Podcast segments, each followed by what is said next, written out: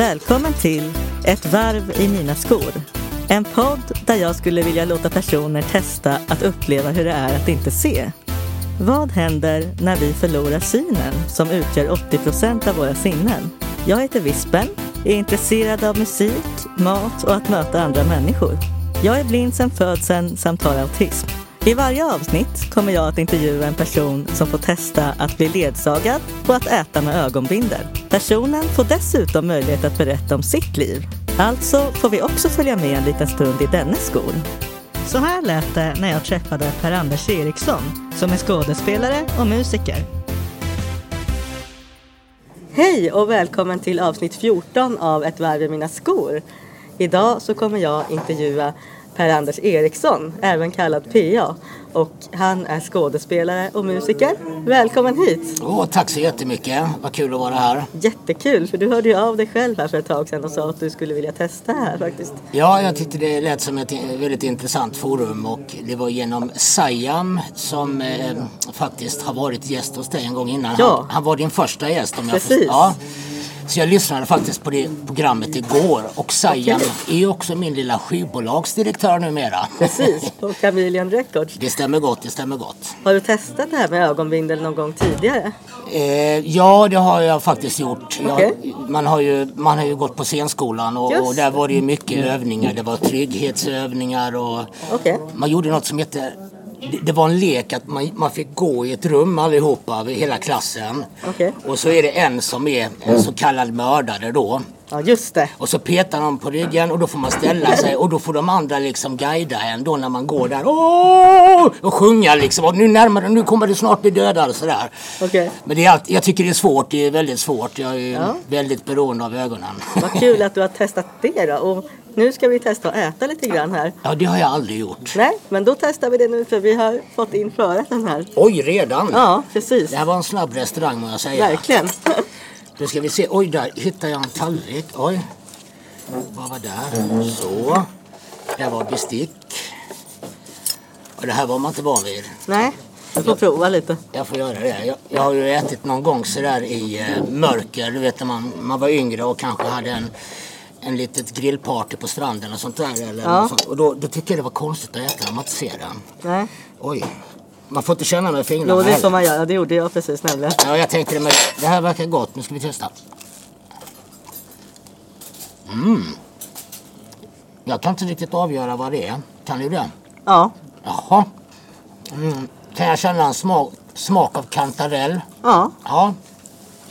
Det tycker jag mycket om. Så är det en kantarelltoast? ja men precis. Ah, mm. Det var inte dumt. Ska vi kolla, fanns det något mer på Oj, oj, oj. Jag tar med händerna. Åh, lite sallad också med, Ja, precis. med lite citron. Vinägretter kanske. Ja, Mm. det tror jag också. Har du någon favoriträtt sådär? Jag tycker väldigt mycket om eh, pannbiff med lök, stekt lök och, och brunsås och potatis. Någon gång då och då.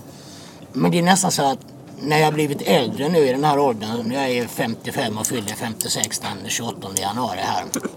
Så eh, jag har blivit mer som att förr i tiden ville jag testa allt. För när jag var liten då åt jag nästan ingenting och sen kom man upp med en, i en ålder där jag ville testa allt. Det var fisk, det var allt. Men nu ser jag väldigt sådär jag kan inte äta så mycket, jag äter hellre lite några gånger om dagen. Ja, Mm, det var väldigt gott må jag säga. Jag tyckte nästan att salladen förhöjde smaken också på, eh, på ja, toasten. det är det som är lite kul tycker jag. Att Ja. olika smaker Mm. passar ihop. Och... Hur kom du in på det här med musik då? Hur länge har du hållit på med det? Ja, musiken har ju alltid funnits i mitt liv, liksom ända sedan jag var barn kan man säga. att Det började med att jag, när jag var riktigt liten så var man ju intresserad av fotboll och sport och allt sånt där och höll på. Men jag vet att det var någon, när Grease kom, den kom på bion 79 eller något sånt där och då var jag och såg den. Och då tyckte jag att Travolta var så jäkla cool liksom. Bara, Åh, vilken frissa och vilken skinnjacka och allt det där. Och det var ju mycket 50-talsmusik. Det var ju liksom sån här Blue Moon, du, och mycket sånt här liksom rock'n'roll. Så det var min första kärlek där runt 11-årsåldern. Eller kanske till och med tidigare 9. Okej. Min pappa han var kamrer på ett ställe som sålde skivor och vitvaror och stereoapparater. Så jag hade ju jag hade ju sådana här lite inköpspris. Jag hade ju Pelle så, min pappa heter Pelle. Så att, ja, han kan få köpa, så jag fick köpa skivorna då för 15 eller 20 spänn när de kostade 40, kanske 50 kronor. Så då blev jag väldigt intresserad utav det, Ja. rock'n'rollen. Men sen då när jag var 11 så blev jag helt betuttad i rockgruppen Kiss. Och där, där så började det. Sen blev det ju rock'n'roll för hela slanten. Och sen började jag, fick jag gitarr utav pappa när jag var 11, elgitarr. Och när jag fyllde år fick jag en förstärkare och sådär. Sen började jag göra låtar redan då. Och sen så Ja, framåt i livet så har jag alltid hållit på med musik. Men jag, jag kom in på scenskolan också när jag var eh, 19 år. Det var nämligen så att när jag slutade nian så fick jag jobb direkt på måndagen där på parkförvaltningen. Det var en sån här ungdomsplats som det hette. Så fick man 85 kronor om dagen och det var ju ändå en liten lön då. Och när den kursen, eller jobbet var slut så var jag 16, då fick man gå en kurs och det var en teaterkurs i Halmstad då, där man gjorde en föreställning. Och där kände jag för första gången, wow, här är någon som tycker att det jag gör är bra, någon som tycker att jag är rolig, för att jag har alltid haft problem i skolan. Jag har varit Okej. en, en rebell. Jag var tvungen att opponera mig mot alla lärare som jag inte liksom... Ja, det var ett ständigt krig. Men där hittade jag vuxna som gillade det jag gjorde och sen så kom jag ju in på scenskolan så kort efteråt där liksom när jag var 19. Då hade jag gått på Katrinebergs folkhögskola innan då. Så då blev det teater och då, då fick jag ja, kämpa med båda grejerna och det är ju inte alltid det lättaste. Men jag har lärt mig mycket av teatern och scenskolan och jag har lärt mig mycket av musiken så att jag, jag, har, jag håller på med dem båda två. Ja men det är ju helt fantastiskt att du ändå har lyckats.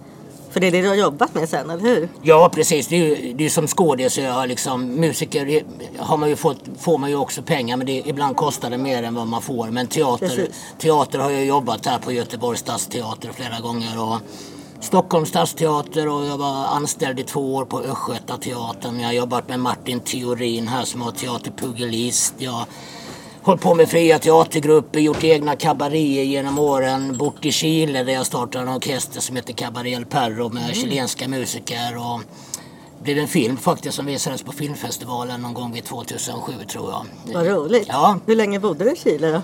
Jag bodde där typ eh, sammanlagt eh, ungefär ett och ett halvt år. Det var, eh, ja, det var så att jag bodde i Stockholm och hade jobbat som skådis där ett tag och så tog det slut med en, min fru då. Och då eh, så åkte jag ner eh, en liten sväng till Halmstad som jag är född i och när jag var där i typ eh, 33 års åldern eller 32. Och ett år där, det var liksom att komma tillbaks till sin stad och inte riktigt veta vad som ska vara nästa mål i livet. Det blev liksom, åh, jag blev helt panikslagen. Så det blev mycket, mycket, mycket festande då.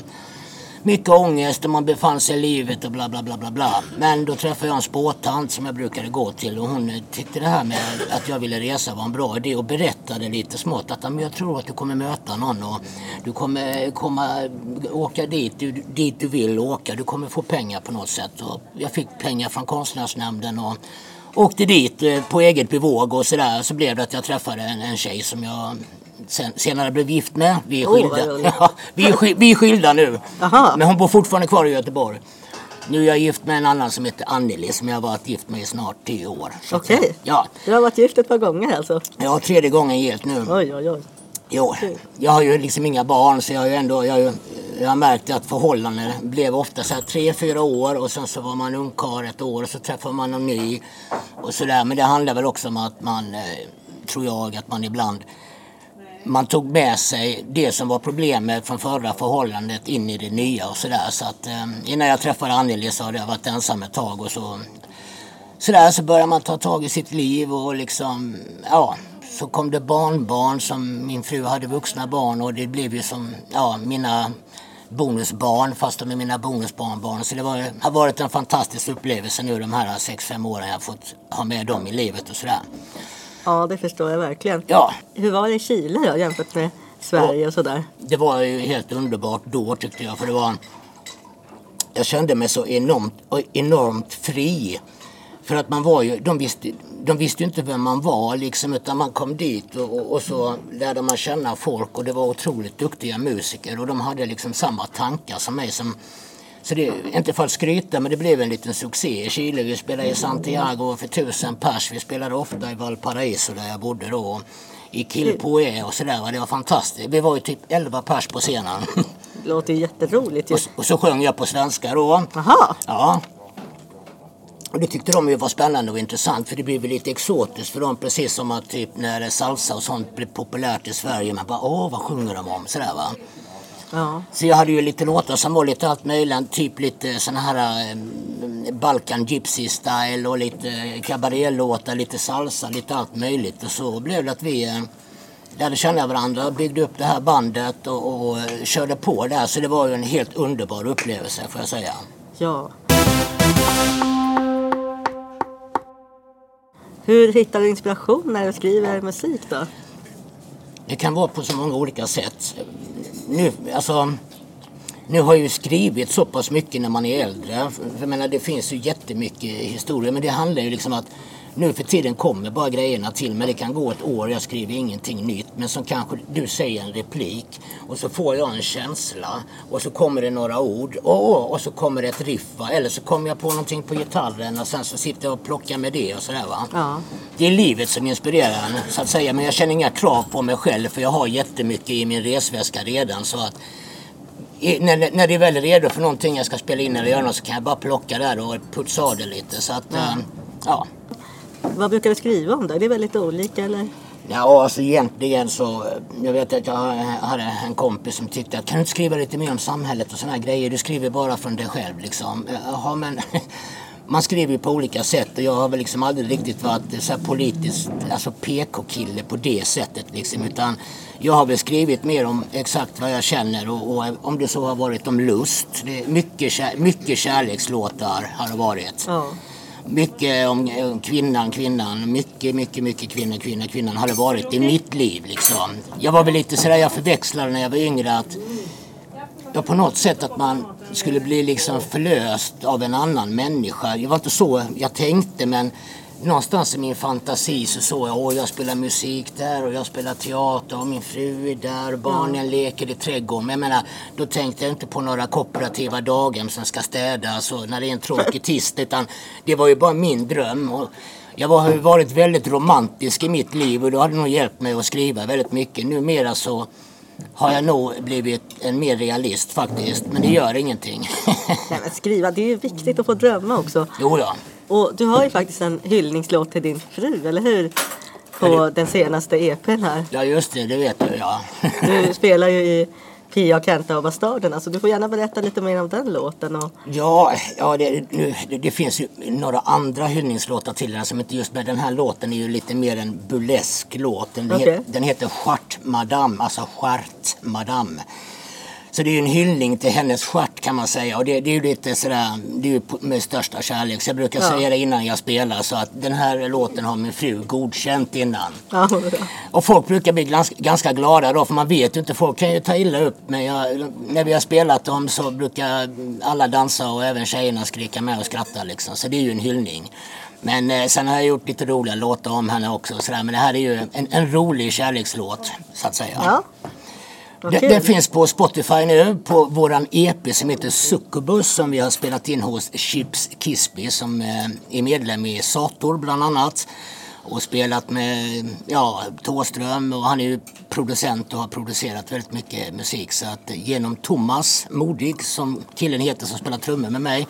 De är gamla kompisar uppifrån Falun och Borlänge där. Så att Tack vare det så kunde vi få spela in hos honom. Så det har varit en jättespännande vår och sommar. Så släppte vi precis våran lilla EP här nu innan jul den 8 december. På, Kul. och så hade vi fest på Krippas. Ja, Ja, roligt. ja verkligen. Jag babblar på här nu, du får stoppa mig. Nej, det är jättebra att du pratar. Vad är det som är roligast med att skriva musik då, tycker du? Alltså för mig, ibland alltså när man spelar musik, alltså om man skriver musik, text va.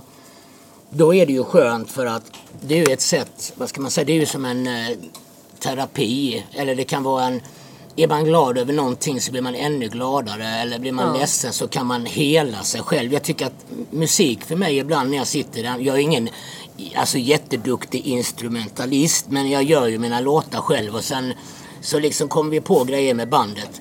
Men det är väl det att man kommer nästan in i någon slags meditation. Ja. I, i själv, du håller ju själv på med musik. Kan inte du känna att man nästan går in i någon slags meditation när man håller på med musik där man känner sig ganska fri? Jo, absolut. Och det är skönt också. Musik kan få en att känna så himla mycket och man kan också eh, tänka lite utanför sig själv. och samtidigt se sig själv och skriva om sånt som man behöver bearbeta eller sådär. Så att jag tycker att det är jättebra. Har du tänkt på det med när du skriver musik? För ibland så kan jag tänka för låtar som jag skrev för 20 år sedan när jag var 35 istället.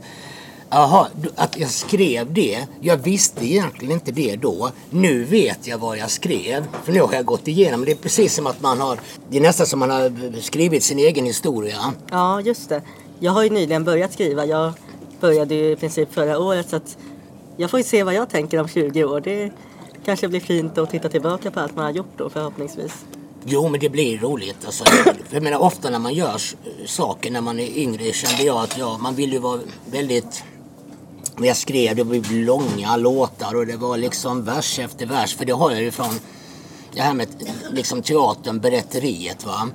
Så att, men nu har jag börjat liksom koncentrera mig på att göra ganska, så, ko- lite kortare låtar då, istället. Som ibland bara handlar om eh, Annelies rumpa höll jag på att säga. Eller att jag är glad och dansar i en skön rock'n'roll-låt. Så jag har liksom börjat balansera upp. Det här var det det P.A. Kenta rätt mycket att jag har roligt när jag gör det. är lite burleskt och Ja. lite kul. Hur länge har ni haft bandet då? Vi har väl ha- haft det fyra år så att säga, så det är inte jättelänge. Nej. Och eh, det roliga är att, som jag sa, jag och Thomas, han som spelar, Thomas Modig heter han, han spelar trummor. Och så är det en kille som heter Kent Wikell. Vi tre har gått på Katrinebergs folkhögskola på 80-talet och lärde känna varandra redan då. Vi möttes upp nu som vuxna människor och så var det en kille som heter Jan Lönneryd också som är kompis med, med Thomas. Då. De hade ett band innan som heter Dirty Old Bastards. Därför heter de Bastarderna då och så är det Kent då som är Kenta och jag som är PA. PA Just. Kenta Bastarderna. Ja, det är bra. Så det är lite spännande. Det, vi är ju 56 upp till 60 år så att man möter varandra i den här åldern och står och repar. Vi ska faktiskt repa ikväll igen en, gång- ett, par gånger i veckan.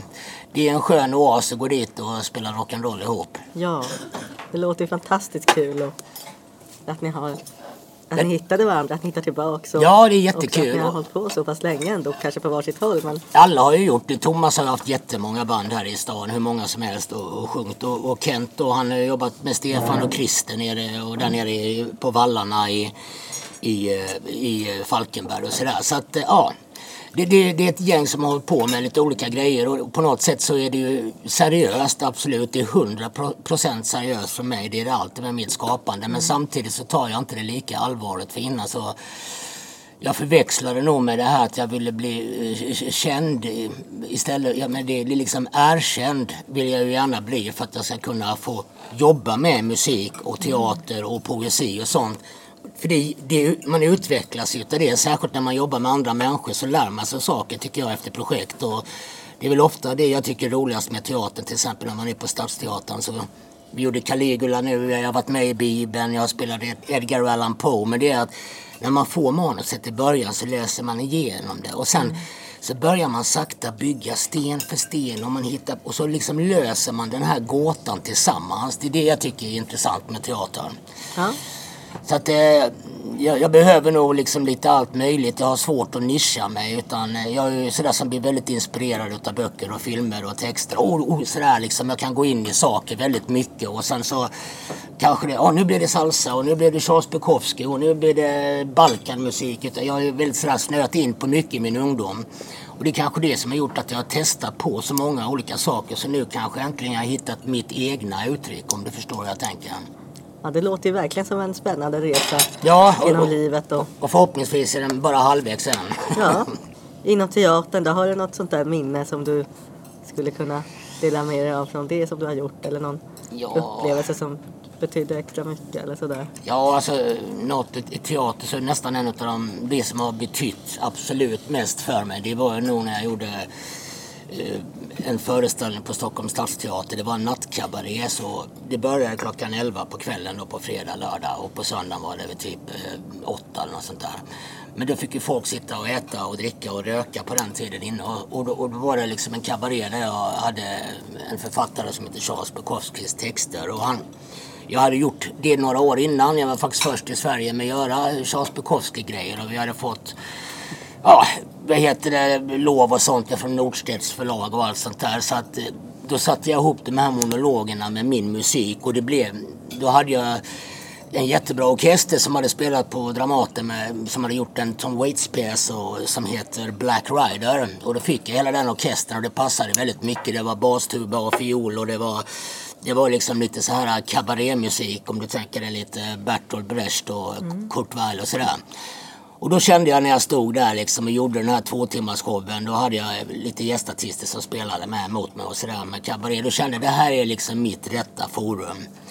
Jag menar, sen så när man spelade teater på sommaren i Varberg, det var fantastiskt roliga, härliga minnen. När jag kom in på scenskolan var jag överlycklig liksom, för det var ju ändå liksom som att vinna VM i, i friidrott eller något sånt för mig då. Ja. Hur gick den till ansökningen och sådär? Ja, det var först då. Först fick man, man fick repa in två prov. Och så eh, fick man åka dit och så gjorde man sitt första prov. Och det, var, det första provet jag gjorde var då utav Dario Fo. Han har faktiskt fått Nobelpris i litteratur. Och han, det, det, det heter Gycklarens födelse. Och så gjorde jag det här provet och så fick man vänta lite och kolla om man gick vidare till andra provet. Och det är ju typ tusen sökande. Så satt jag nere i Malmö där då. Och så på eftermiddagen så fick jag göra andra provet och då gjorde jag en dikt av Vladimir Majakovskij som heter Ett moln i byxor. Han var en futuristisk po poet på 20-talet i Ryssland. Och då eh, fick man inte veta någonting utan man fick åka hem och så efter en vecka fick man ringa. Japp, 152, mitt nummer var med. Så fick man åka ner till Malmö och då var man där i tre dagar och fick improvisera, sjunga, arbeta, sen åka hem igen, vänta i en vecka till, går jag vidare till fjärde provet. Oj, oj, oj. Och sen åka ner igen och då har man en hel vecka när det är workshop och man jobbar med folk och det är improvisation, det är allt möjligt. Och efter det då så var, då var vi 24 kvar och så gick vi ut i en park i, i Malmö och la oss vid kanalen och köpte lite öl allihopa 24 som var kvar. För klockan tre skulle det då resultatet komma och så gick vi dit och så såg jag att mitt nummer stod där och den killen som jag hade varit med som vi blivit bra kompisar med, hans nummer stod inte. Han sa inte ens hej då, han bara gick, han bara försvann. Men jag blev ju överlycklig och ringde hem till min mamma som började gråta liksom. För det var liksom en sån seger för mig eftersom jag, jag var ju liksom strulig i skolan för folk inte riktigt fattade mig. Jag, jag passade inte i det där inrutade systemet. Det, det pratar ju folk mycket mer om nu. än då så skulle man ju liksom bara ja, sitta där och vara tyst och det funkar inte för mig. Mm. Men teatern har varit som min skola kan man säga. Det har varit mitt universitet. Men där, där lärde man sig lite svåra ord och, och man fick arbeta. Jag gillar det också med teatern att man arbetar över både ålder och, och, och eh, kön höll jag på att säga och olika hudfärger. Utan där kan jag ju spela mot en eh, 65-årig tant eller en, en 13-årig kille från Etiopien. Alltså det, det, det, det är det som är det roliga med teatern ofta. Att man eh, jag tycker att vi umgås ganska dåligt i Sverige över gränserna om du förstår vad jag menar. Precis. För I Chile var det, ja det var unga, det var gamla. Ja men kom in, vi har lite vin, ja de spelar musik, jaha! Alltså det var allihopa och, och jag tror man kan ge varandra någonting. Här i Sverige så delar vi upp oss så mycket. Då är man med folk i sin egen e, liksom, åldersgrupp hela tiden. Ja. Så det är väl det jag tycker om, den där dynamiken mellan människor. Och nu när jag blivit äldre så har jag tänkt så här, varför ville jag egentligen hålla på med teater och musik och sånt nu då? För när man var yngre så var det väl att man var ett skilsmässobarn och någonstans ville ha bekräftelse på att man dög och allt det där. Men det är ju inte därför jag gör det nu. Det är ju mitt yrke, men då kommer jag till, det är ju mitt sätt att kommunicera med folk. För annars är jag lite blyg. Folk kan tro att jag inte är blyg. Jag, för jag kan ju vara väldigt så social och prata. Men det är ju, en, alltså, det är ju min, det är min professionella Per-Anders. Förstår du vad jag menar? Jag kan, ja, ja. jag kan prata om djupa saker på ett enkelt sätt. Men det är liksom det här innersta och innersta är man ju ganska blyg. Så att jag menar man har, nog, man har gömt sig mycket bakom attityder emellanåt. Och det är väl det jag försöker arbeta, som jag har hittat det här arbetet med mig själv. Hur kan jag bli en bättre artist liksom? Det är ju att våga öppna mer i sig själv och våga blotta sig mer kanske. Och, och ja, någonstans våga vara naken för att sen liksom sätta på sig sin utrustning igen och veta att man kan ta av den om det behövs. För rätt, ja. rätt människa eller sådär. Och du förstår metaforen. ja, det här är helt fantastiskt att få lyssna på dig mm. som ändå har upplevt så himla mycket. Och det var ju en sån seger när du kom in. Alltså jag Ja, det var härligt. Det var som seger för, ja, det var som seger för mig själv också. För att det var så många test, det hade jag faktiskt ingen aning om att det var så svårt. Men jag har ju hört att det är en sån här grej som, ja, det är bara vissa som kommer in, väldigt få och att Ja, och, nå, ja, och man kan säga att någonstans så gav det mig en ryggrad, eller inte en ryggrad, men det gav mig en jag ska säga, en självkänsla. För vad, även om jag inte hade jobb eller någonting och om folk kanske var misstänksamma. För du vet ibland, nu klär sig folk mer hur de vill. Men jag har ju alltid varit lite så här färgat håret svart och haft smink och kört min, min stil. Va? Och det var ju annorlunda förr. Nu går ju alla klädda som de vill mer eller mindre. Så att, så att på något sätt så blev det att ja, men om folk tittar lite snett på mig så kommer jag testa ofta det här experimentet. Man satt och åt middag på någon tillställning Jaha, vad håller du på med då? Ja, när jag går på scenskolan. Och helt plötsligt så ändrades attityden och Åh, vad roligt! Jaha, hur många år är den då? Och helt plötsligt så vände alla människor. Och det har jag ju märkt mycket. Va? Så är det så att på något sätt, jag kunde dra upp det trumfkortet ibland och då ändrar folk helt sin inställning till mig. Oj, då tycker de bara, åh vad mysigt att han är så bohemisk och vagabondisk. Men jag menar, om man inte har det, men nu när man är äldre så vet ju de flesta att man håller på med det man gör och då, då tycker folk kanske tycker det är intressant antagligen. Ja. Så att det blir ofta då att då, då, då, frågar ju folk en sak och så då blir det ju att man babblar på på festen och då är det sådär. Så att det, ja, det är skoj på det sättet. Jag vet ju att du skulle vilja spela ett par egenskrivna låtar. Ja. Så det vill vi såklart gärna få lyssna på här. Ska vi köra en nu eller? Absolut, om du vill. Absolut, ska vi se om jag hittar gitarren bara. Där var den. Mm. Nu ska jag försöka spela gitarr här och, och, och ja, jag ser ju ingenting heller. Ja, men det är roligt. Mm. Många säger ju ändå att om man kan sitt instrument då spelar inte det någon roll. För man brukar väl inte sitta och titta på strängarna kanske när man Nej, inte, inte hela tiden men det är just när det är. Jag ska visa. Det är det här va? Och så det. Nu vet jag inte riktigt vad det är. Där. Man ska hitta det här. Det är det som är problemet. För det, ja. och inte se. Men eh, vi får se hur det blir. Ja, vi provar. Jag börjar med en nyskriven låt och den här låten har jag tänkt att vi ska repa ihop med Pia och Kenta och Bastarderna. Och det är liksom mer en liten hyllning till, till eh, ja, min barndom kan man säga och tonår, tonåren. Den heter Jag, jag har älskat rock'n'roll sedan den dagen då jag föddes. Okej? Okay? Är du beredd? Absolut. Nu kör vi. kör vi. Jag har älskat rock'n'roll sen den dag då jag föddes. Min mamma viskade att min son du kommer bli en rock'n'roll star. Jag har älskat rock'n'roll sen den dag då jag föddes. Uh, uh, uh. Min mamma viskade att min son du kommer bli en a rock'n'roll star, yeah. Oh, a rock'n'roll star.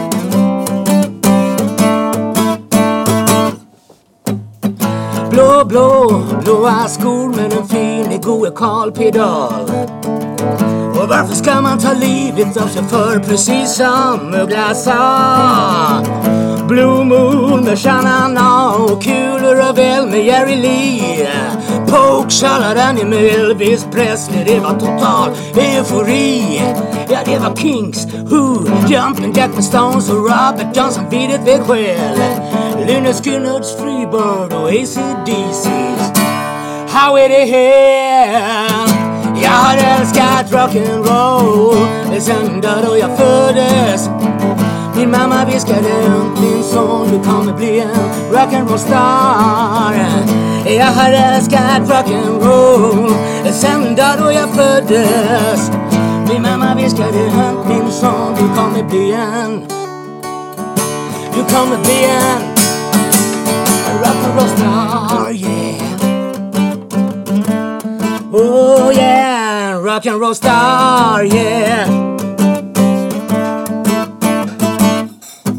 Det var posters på väggen med Kiss och Sweet, Baretta och Runaways. Alice Cooper med boa och orm runt halsen och en sminkad spindel i sitt face.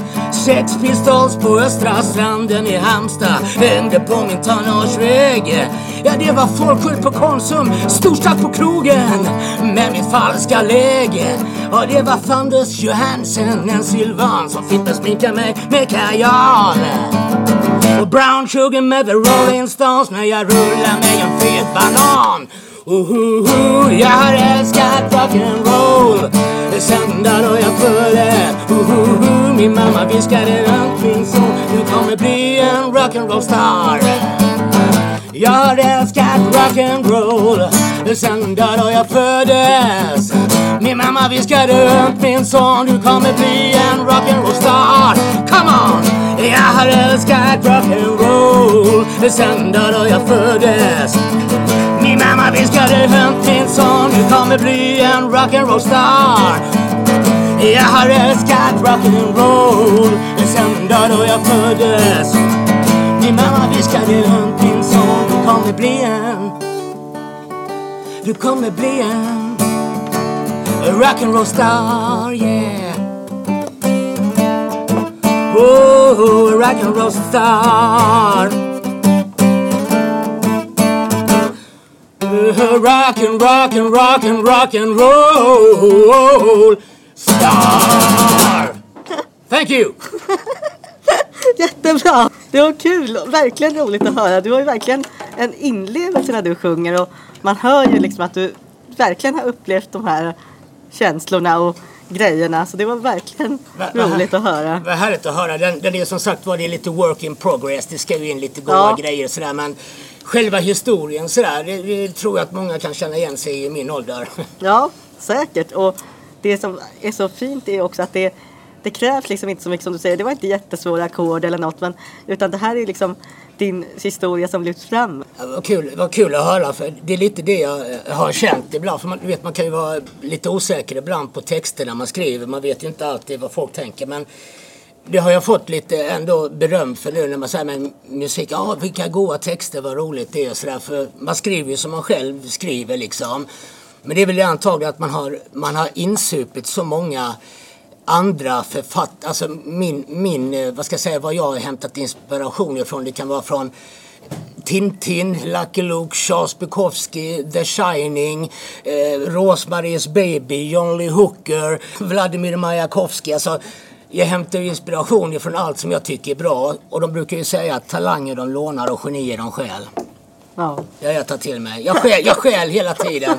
Och så pusslar jag ihop det till min grej. Det är väl ungefär som Håkan Hellström gör också antagligen. Ja, det är väl liksom, ja, det är väl det som är egentligen det härliga med eh, kultur och sånt där. Som vi sitter här nu till exempel. Att, att få ha ett samtal, även om det är jag som mest har monolog. Men, men ändå att ha det här samtalet med människor. Det, det, det är någonting jag kan sakna nu. Jag vet inte, förr i tiden så var man det kanske mer att man var ute, ute mer och träffade folk på krogen och sånt där. Men jag dricker ju inte alkohol längre. Så att då, är det inte, som, då går jag, liksom när jag spelar så kanske jag stannar en liten stund och, och tar en liten alkoholfri öl och pratar lite. Och sen åker jag hem och det är jätteskönt. För då har jag liksom spelat, haft roligt, folk har blivit glada, jag har blivit glad, jag har druckit några öl och sen klockan 11 är jag hemma och tittar på bilderna folk har lagt ut. Så det är jätteskönt. Ja. Innan, innan kom man hem klockan 11 på förmiddagen dagen efter. Liksom. Jo, nej, men det var ju lite, man levde li- Vi var ju ett, eh, många roliga, jag har ju många härliga kamrater genom året och vi har väl alltid gillat att ha roligt och festa och ja, du vet festivaler och allt sånt där. Men allt tar sin tid. ja, men så är det väl. Men var det av någon särskild anledning som du valde att sluta med alkoholen helt och hållet? Nej, jag, jag fick faktiskt eh, skrumplever så att eh, då, då var det liksom, då var det ju lika bra att lägga av.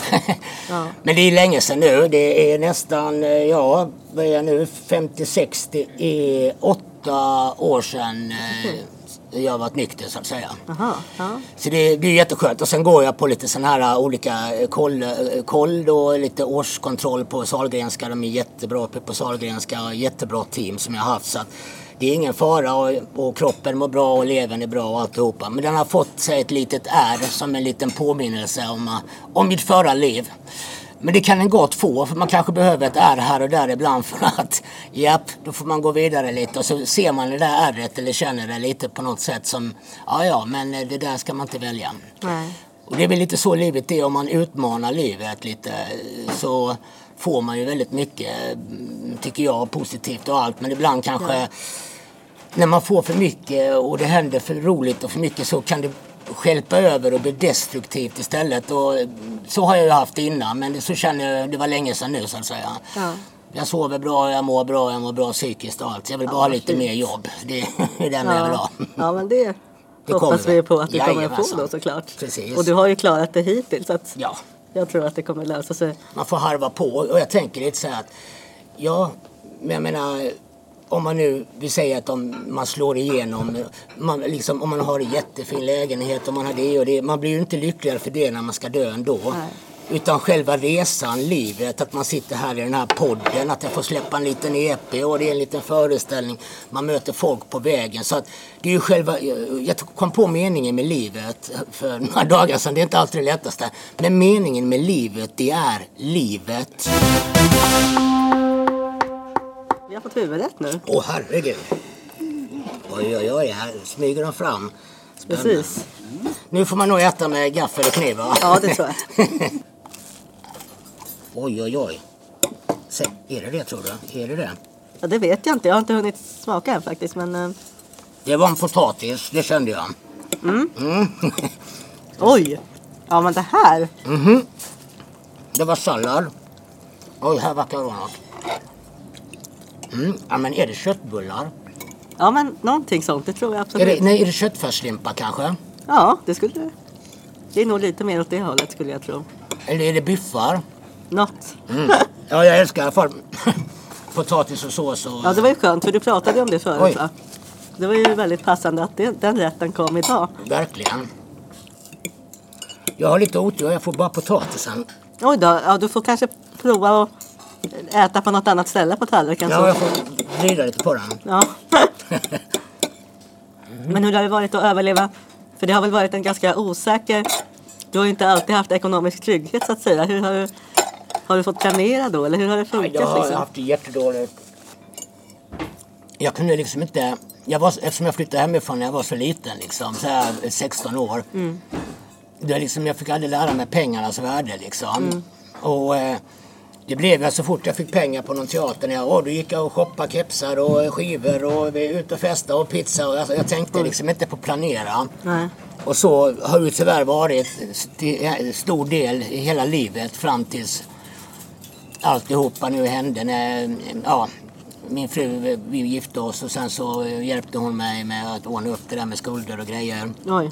Och det var ju väldigt viktigt för då helt plötsligt så slipper man det jäkla oket.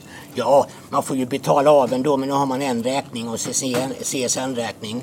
Så att liksom att ekonomin är bara, den är, den, den är, den är låg. Men, eh, så att, men nu är vi ju två med och min fru har ju fast jobb så att det, blir ju ändå att vi klarar oss liksom. Ja. Men det, det är ju upp och ner verkligen. Jag har ju aldrig kunnat planera eller spara eller någonting liksom. Men vad skönt att du har fått hjälp med det nu då ändå. Det är helt underbart. Det är ju som en, vad ska jag säga, en sån befrielse. För det, det, sånt kan ju störa en i livet också när man inte vet hur man, hur fan ska jag få till detta liksom. Det räcker inte. Och så är det ju för många människor nu med. Men har du fått ta, eller hur har du gjort i de situationerna då? Ja, men jag har ju alltid haft min, mina alltså a-kassa och sådana grejer. Jag menar, det har ju, jag menar, hade man inte pengar så hade man inga pengar och då fick man, ja, man fick sälja några skivor, man fick panta gitarren. Man fick låna Oj. några hundringar, alltså när man var singel. va. Oj, oj, oj. Ja. Strunta i att betala hyran, ja du vet sådana här grejer. Och, alltså, Oj, så det har till och med gått så långt att du har fått sälja din gitarr? ja, jag, pantbanken, för det är tre, nu har jag, nu har jag min elgitarr som jag älskar som jag döpt till Humlan. Som jag kallar min fru som heter Anneli. Det, det, jag har döpt den och den, den kommer jag aldrig hamna på någon pantbank och inte den där heller. Så att, eh, men, men det är så livet har varit. Ibland har nöden ingen lag. Om, om det är lite fattigt några dagar och sådär så är det inte hela världen, det ordnar sig. Och det är väl det man ska säga om, om man ska följa sin, sin konst sådär 100 procent. Då får man ju beräkna att man får mycket Ja, man får ju mycket motstånd. Ja. För folk tänker, vad fan, du kan vi jobba med någonting annat då? Ja, men vad ska jag som 56-årig skådespelare hitta ett jobb då? Vad hittar jag det nu då? Alltså det är inte så himla lätt för mig att hitta ett annat jobb när jag inte har eh, teatern, eh, om man säger så.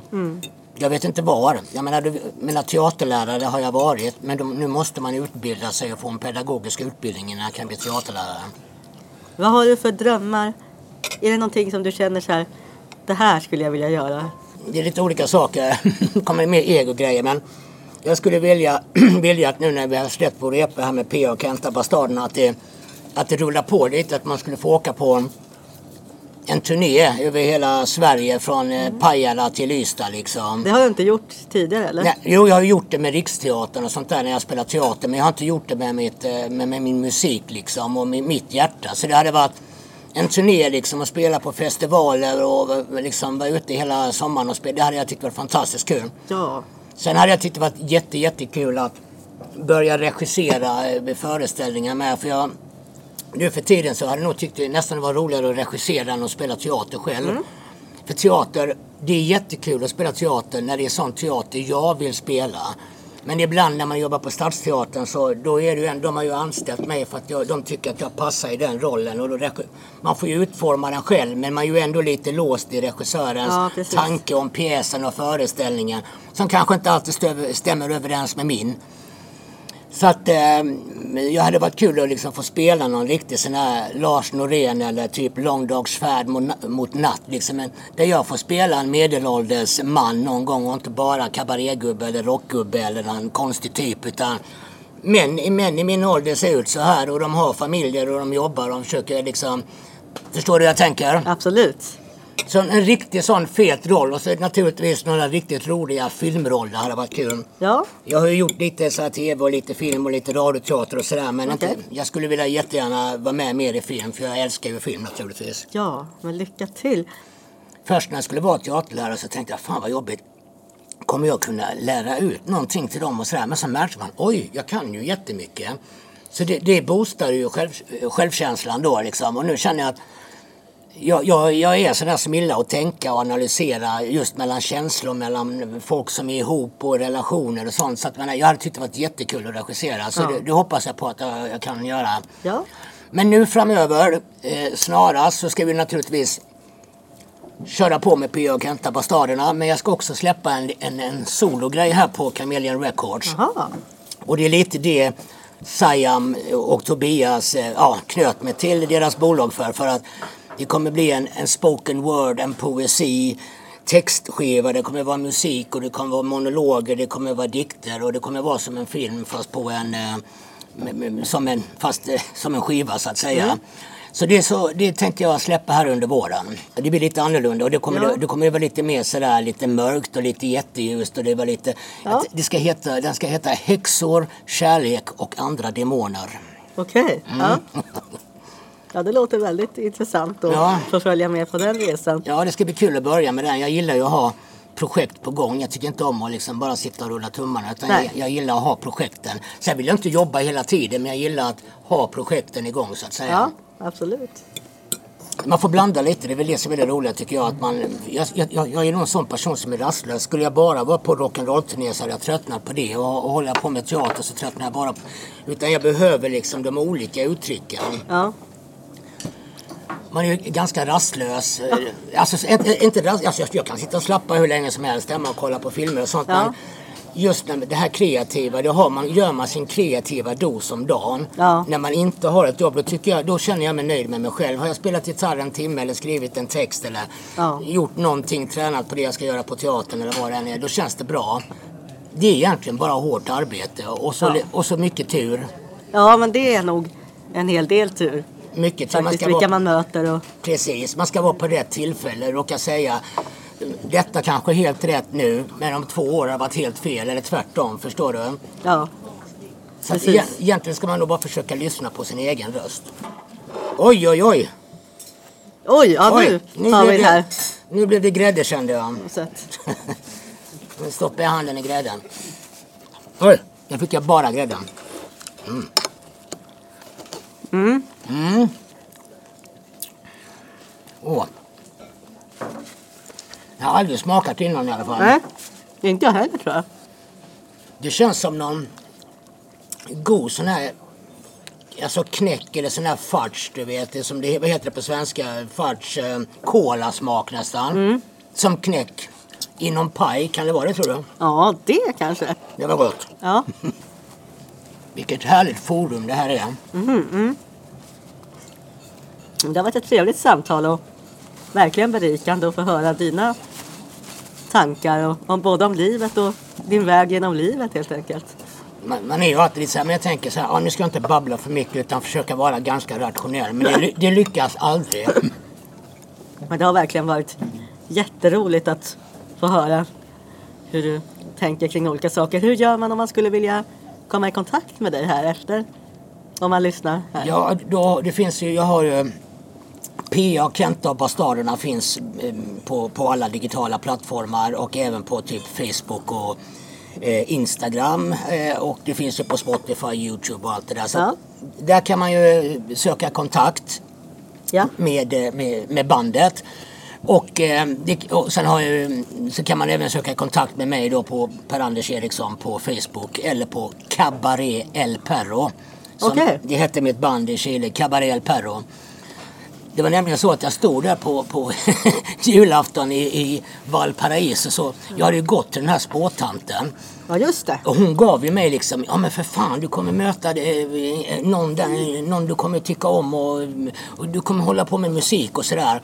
Och sen hade jag varit där en vecka själv och så firade julafton med han som ägde pensionaten och hans två kompisar Louise och Miguel och Miguel. De var jättetrevliga. Men så då på julafton så stod jag och tittade på mitt rum. Så i, i, i Valparaiso så är det herrelösa hundar överallt. I olika raser. Så, de, så bara tänkte jag Fan, jag har ju blivit lurad. Vilken idiot. Jag har gått till en spåtare som säger att jag ska åka hit. Jag känner ju inte en människa. Jag står här på julafton. Vad gör jag här? Och då kom jag, fan, jag är ju som de där hundarna där som ylar efter kärlek liksom. Och då kom jag på, ah, jag vet vad min kabaré ska heta. Den ska heta Cabaret El Perro. Och, och sen så rullade det ju på som Ja. sagt var efter ett tag va.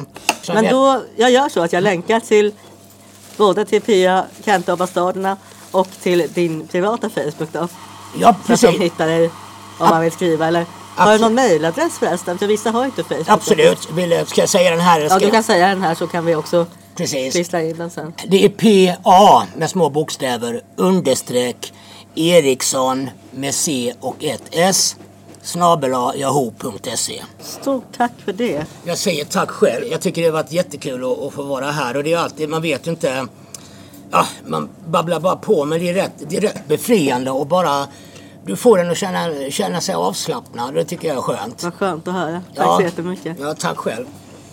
Ja, du får säga till när du är klar. För då tänkte jag att du som sagt får avsluta med att spela en låt. Åh, Men Ja. det är ju ingen panik. Men... jag känner mig lite småklar här nu ändå. Okej.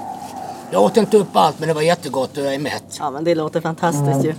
Men då tänkte jag se här om jag klarar Jag ska hitta gitarren också här nu. Där var den va? Jag Vad ska vi få höra nu då?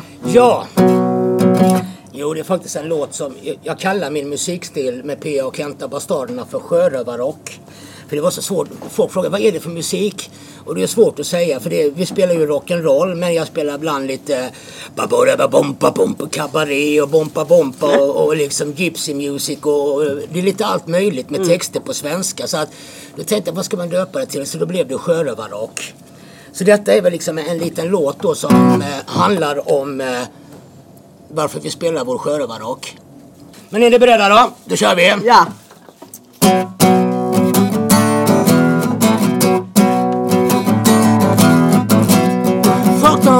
Tycker att vi ska lägga av. Men vi kör våran egen stil i varje andetag. Vi spelar vår sjörövarrock nere på stan. För inte bli galna. Tra-la-la-la-la-la-la-la I wanna hear you say yeah. Come on yeah. Sakta ner, Ser omkring er, allting bara rullar på. Ni fortsätter och springer. Dagar blir till veckor, månader till år. Säg vad ska hända innan ni förstår?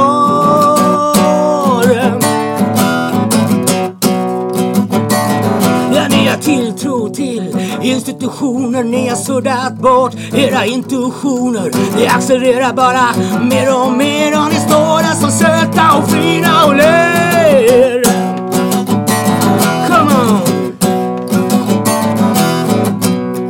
Och de tycker att vi ska lägga av Men vi kör våran egen stil i varje andetag vi spelar vår sjörövarrock nere på stan. För vi inte blir galna. Tra-la-la-la-la-la-la-la. I wanna hear you say. Yeah.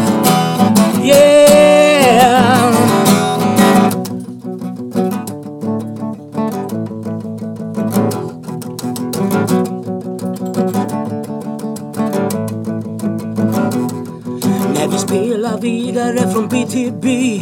Då drabbas vi plötsligt utav déjà vu. Det svartnar för ögonen, jag blir alldeles yr. Människor som tynar bort, ja, människor som flyr. Jag vill stanna världen, jag vill hoppa av. Jag vill inte bli någon materialistisk svar. Jag TV6, TV9, TV8, TV4. Det är som en kapitalistisk syra. Yeah! Folk de tycker att vi ska lägga av. Men vi kör våran egen stil i varje andetag. Vi spelar vår sjörövarrock nere på stan. Uh, They're inte begonna. La la la la la la la la. I wanna hear you say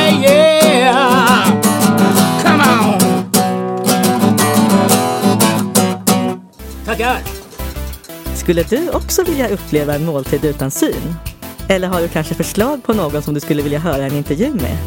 Kontakta mig på vispen grunden.se.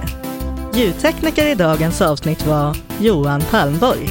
Stort tack för att du har lyssnat!